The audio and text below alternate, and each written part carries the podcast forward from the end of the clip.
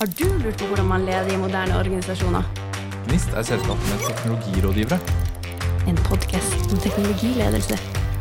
Mitt navn er Storm. Jeg heter Ulrikke. Dette er kort og godt med GNIST. Ok, da går vi over til eh, neste selskap. Og det er da et selskap som brenner for å lage gode kundeopplevelser. Fremtidens mobilitetsløsninger. Det er et selskap hvor eh, teknologi, produktutvikling og design går hånd i hånd. Silje, har du lyst til å bli med opp på scenen? Velkommen. Så Silje skal få lov til å introdusere seg selv. Eh, men Ruter er også et selskap som eh, Alle har sett den nye Ruter-appen. Og det er mye som skjer eh, bak scenen der også. Så vi snakker litt om det i dag. Men også organiseringen og hvordan eh, vi har fått det til å skje. Så jeg tenker, Silje, kan du ikke begynne med å introdusere deg selv og hva du gjør hos eh, Ruter? Jo. Jeg er så lav, vet du. Så jeg må ha den Bra den til det. Jeg heter Silje og har jobba med ja, alt fra da vi begynte med EDB og gikk over til IT og over i tech. Så jeg har fulgt med hele veien i en eller annen form for rolle. Både i offentlig sektor og i privat sektor. Og så klarte jeg ikke å motstå eh, visjonen til Ruter, som er bærekraftig bevegelsesfrihet. Og derfor havnet jeg i Ruter. Så i Ruter så er jeg da kjent som den personen som eh, Den gale dama som går i shorts fra februar. Så det, det er litt av meg. Men du driver med produktutvikling i Ruter, stemmer ikke det? Eh, og det vi snakket litt om når vi, eh, vi planla denne podkasten, og, og som mange bedrifter sliter med, er at, eh, og som Silvia Ceres også nevnte i stad, at veldig mye av ledelsesfilosofien vi har, den kommer fra de forrige industrielle revolusjonene. Man har en struktur som ofte er veldig hierarkisk, veldig basert på eh, kommando og så har man organisert teamene etter funksjoner eller komponenter. Men dere gjør det litt annerledes hos dere og har også en struktur. Kan ikke du fortelle litt om det? Ja, så vi prøver jo, altså, Som de fleste her, så har jo dere også sikkert lest Team Topologies om domenedrevet design av Eric Evans og co. Så vi også ser fordelen med å knytte mennesker tettere sammen. Da. For det er jo egentlig en sosioteknisk kultur. Det å bringe mennesker sammen, organisasjonen tettere, med tech. Så det å få mennesker som f.eks. driver med mm, analytiske data, til å snakke sammen med de som holder på med operasjonelle data. Mikse folk med f.eks. de som sitter på kundeservice inn her. Da får vi den miksen vi vil. Det er jo målet vårt. Men dere har mange forskjellige team. eh, Og dere har eh, et system for å binde disse teamene sammen, som du kalte Limi-team. Lim for team. Lim for team. Kan ikke du fortelle litt mer om det konseptet? Jo, lim for team. Det oppsto fordi autonomiteten i teamen hadde tatt litt overhånd. Rett og slett. Og vi sier ikke at Altså, vi vil gjerne ha beslutningsmyndighet i teamene. Men det er et par ting som vi gjerne vil at folk skal forholde seg til. Og det handler jo også mye om forventninger og kulturbygging. Sånn som han fra Oda snakket om. Så for meg så er det mm, For det første, da, så må vi jo snakke om hvem vi er. Identitet. Og da sa jo Silvia Hun sa det litt sånn Da hun sto på scenen her i stad, så sa hun at Ruter er egentlig en softwarebedrift, men det vet ikke selv. Og det syns jeg var litt morsomt. For i dag så hadde vi vår eh, interne delingsarena eh, som heter Ferså. Og da snakket vi om identitet. Og da hadde jeg et foredrag om Ruter som tech-bedrift. Så det Det var litt gøy. Så altså det å vite hvem er vi, for å kunne vite hvordan og hvorfor, det er veldig viktig.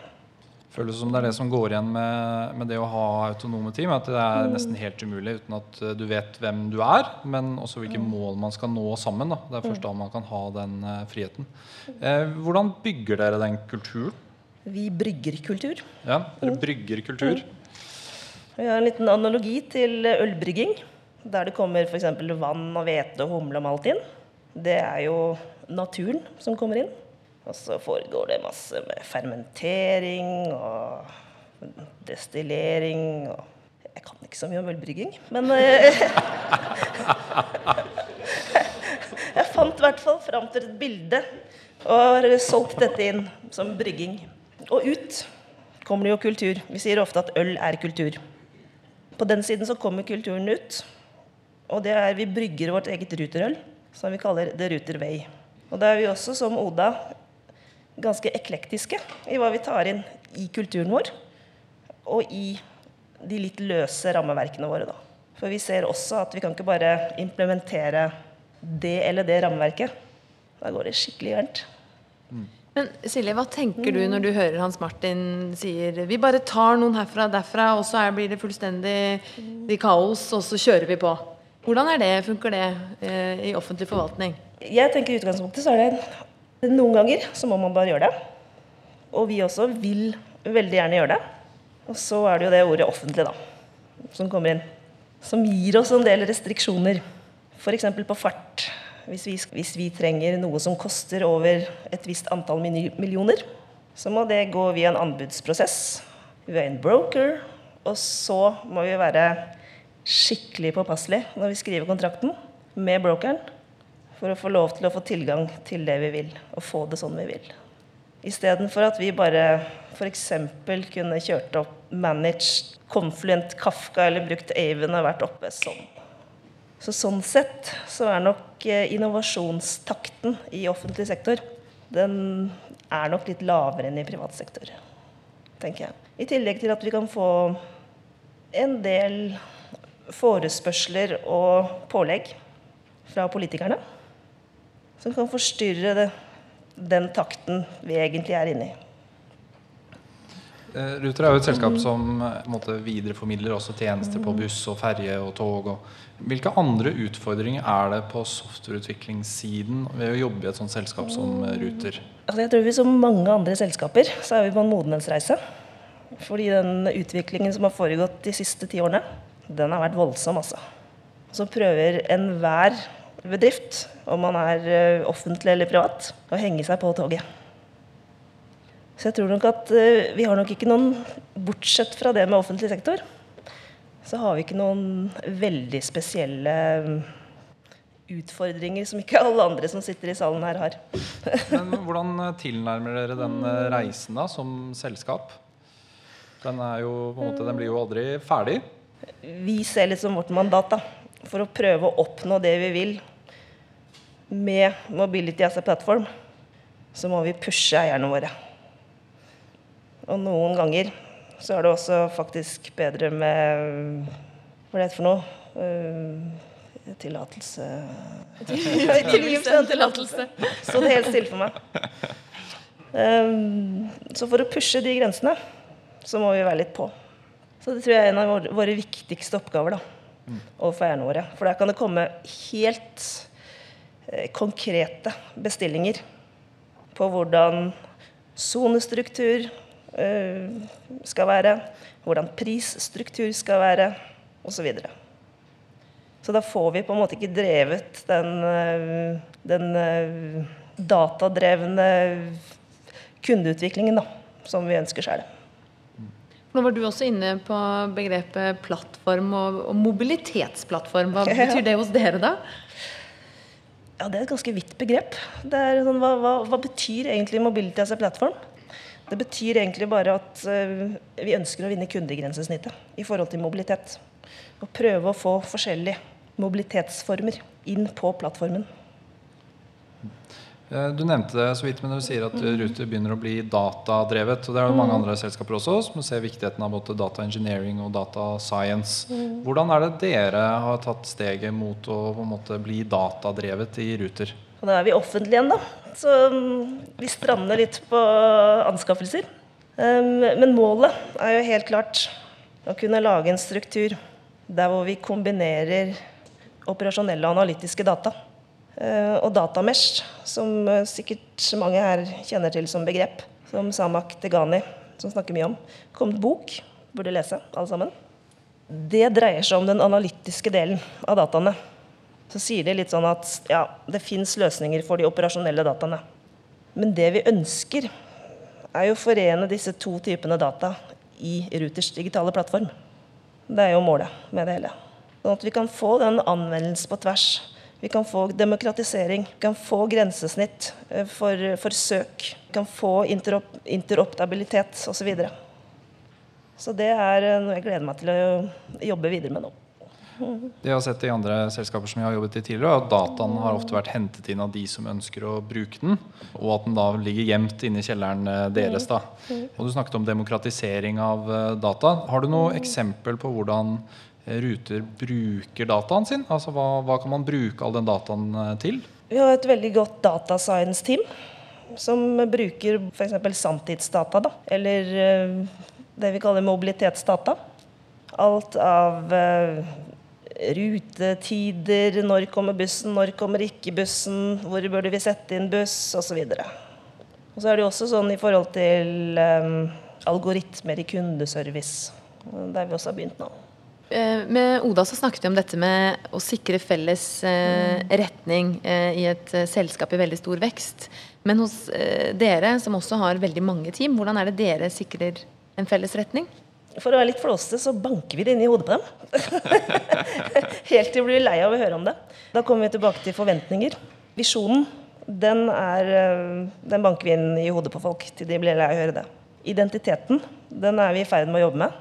Eh, men den felles retningen i forhold til f.eks. For teknologi det er også veldig viktig for oss.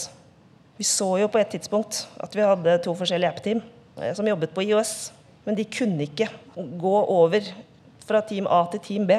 Og kunne jobbe på samme stack, samme pipeline, samme kode. Fordi den var så vidt forskjellig. Og det er jo et lite tankekors når man da jobber med IOS-utvikling bare mot to forskjellige apper. Så trenger man tre måneders opplæring for å kunne gå fra et team til et annet. Og andre ting kan f.eks. være Altså, vi deler vi, vi, dokumenterer og deler metodikk, f.eks. Sånn at andre kan bruke metodikken. Vi sier ikke at 'den skal du bruke, den skal du ikke bruke'. Da kan f.eks. ett team si at 'å, dette, her, dette har vi brukt, og dette har funka veldig godt'. Og da har vi en sånn åpen radar, en ruterradar, der eh, folk kan gå inn og se hva som faktisk brukes i, ruter, i, i ruter. Både av metodikk og teknologi og andre ting. Og så er det jo sånn at Vi er en Java Kotlin Node-sjappe. Og Da skal det litt til hvis du plutselig kommer inn og sier at å, dette er skikkelig lyst til å programmere i eliksir. altså. Det, Man skal ta en veldig god grunn til å kunne få lov å gjøre det. da. Så, så den alignmenten på tvers, den er jo både en forventning, og så er det et ansvar. Det er en tillit man gir hvert team. Da. For de skal jo kunne ta beslutninger i sitt eget team. Det er en som skal sitte på toppen og være en sånn gatekeeper for alt mulig. For da går det jo fryktelig, fryktelig tregt. Det samme spørsmålet som vi stilte mm. til de andre i stad. Hva tror du er viktig for fremtidens teknologiledere å tenke på i både offentlig og privat når man skal lede softwareutvikling eller andre typer bedrifter? Hva er det vi må tenke på? Jeg tror vi må tenke på flere ting. I hvert fall i offentlig så er det å pushe og pushe, som Sylvia sa. Pushe og pushe og pushe på eierne våre for å få handlingsrom. Det er det ene. Og så tror jeg det andre er, siden utviklingen har gått himla fort de siste årene, å faktisk få lov og tid og rom, sånn som Oda også snakket om, til å ta de eh, Til å se på cyclene våre og, si, og anerkjenne da, at innovasjon det holder vi kanskje på med 20% av tiden, mens 80% er vedlikehold og refaktorering for å få ting til å henge sammen. Ikke bare med strikk og binders fordi du måtte ut akkurat der og da, men også litt over tid. da. Kvaliteten blir veldig viktig å ha den på plass for å kunne innovere også. ikke sant? Mm. Og så siste, det er faktisk å mm, lese filosofi og alt som har med samfunnsfag å gjøre. For der ser jeg en del trender. F.eks. Eh, vi snakker jo mye om eh, løskobling og mikrotjenester i dag. Hvis Man hadde, når man leser da poststrukturalisme og postmodernisme, som er sånn fra 60-, 70-, 80-, 90-tallet, så er det akkurat de samme konseptene der som vi bruker i dag i disse arkitektoniske mønstrene. Så det er i, i forhold til what comes next.